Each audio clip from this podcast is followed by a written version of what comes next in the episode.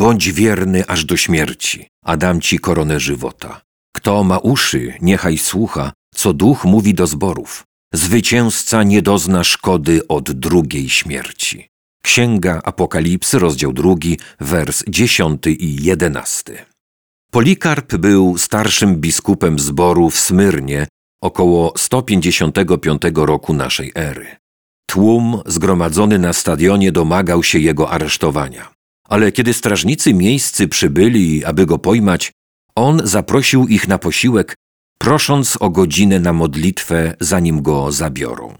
Strażnicy zdumiewali się dobrocią tego człowieka i ubolewali, że muszą go aresztować. Kiedy szedł na stadion pełen ryczącego tłumu, usłyszał głos z nieba. Bądź silny, Polikarpie, bądź mężny. Rzymski prokonsul, rządca, szanując sędziwy wiek Polikarpa, starał się przekonać go, aby się ratował. Zaoferował mu łatwy sposób uniknięcia śmierci. Wystarczyło, że powie precz z ateistami. Takim terminem ludzie określali chrześcijan, a to dlatego, że nie oddawali oni czci bożkom i nie budowali ołtarzy. Polikarp podniósł rękę w stronę tłumu zgromadzonego na stadionie i powiedział: Precz z ateistami. Ale niezadowolony tym konsul zażądał: Przeklnij Chrystusa, a wypuszczę cię. Służyłem mu przez osiemdziesiąt sześć lat, a on nigdy mnie nie zawiódł, odparł biskup. Jakże miałbym bluźnić mojemu królowi, który mnie zbawił? Kiedy prokonsul zagroził mu, że zginie w ogniu, Polikarp oświadczył. Grozisz mi ogniem, który płonie przez godzinę, bo nie wiesz o godzinie sądu, który czeka bezbożnych. Po cóż zwlekamy? Niech będzie, co ma być. Kiedy umieszczono Polikarpa na stosie, oprawcy zamierzali przybić go do słupa, ale on powiedział: Zostawcie mnie tu. Ten, który pomoże mi przetrzymać ogień, sprawi, że wytrwam tu bez gwoździ.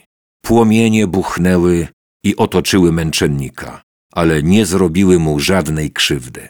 Tłum, nie mogąc znieść porażki, wymógł na kacie, aby pchnął go mieczem. W ten sposób Polikarp umarł za wiarę. Obecnie w większości krajów świata chrześcijanom nie grozi kara śmierci.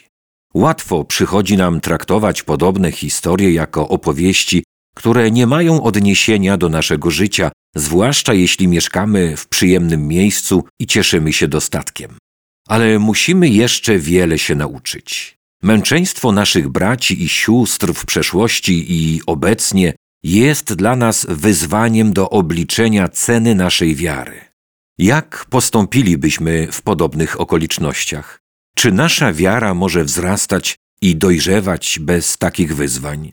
Jak cenny jest dla nas Jezus? Panie, pomóż mi obliczyć cenę wiary. Pragnę przyjąć stojące przede mną wyzwania, aby być gotowym na wszystko, co spotka mnie w przyszłości.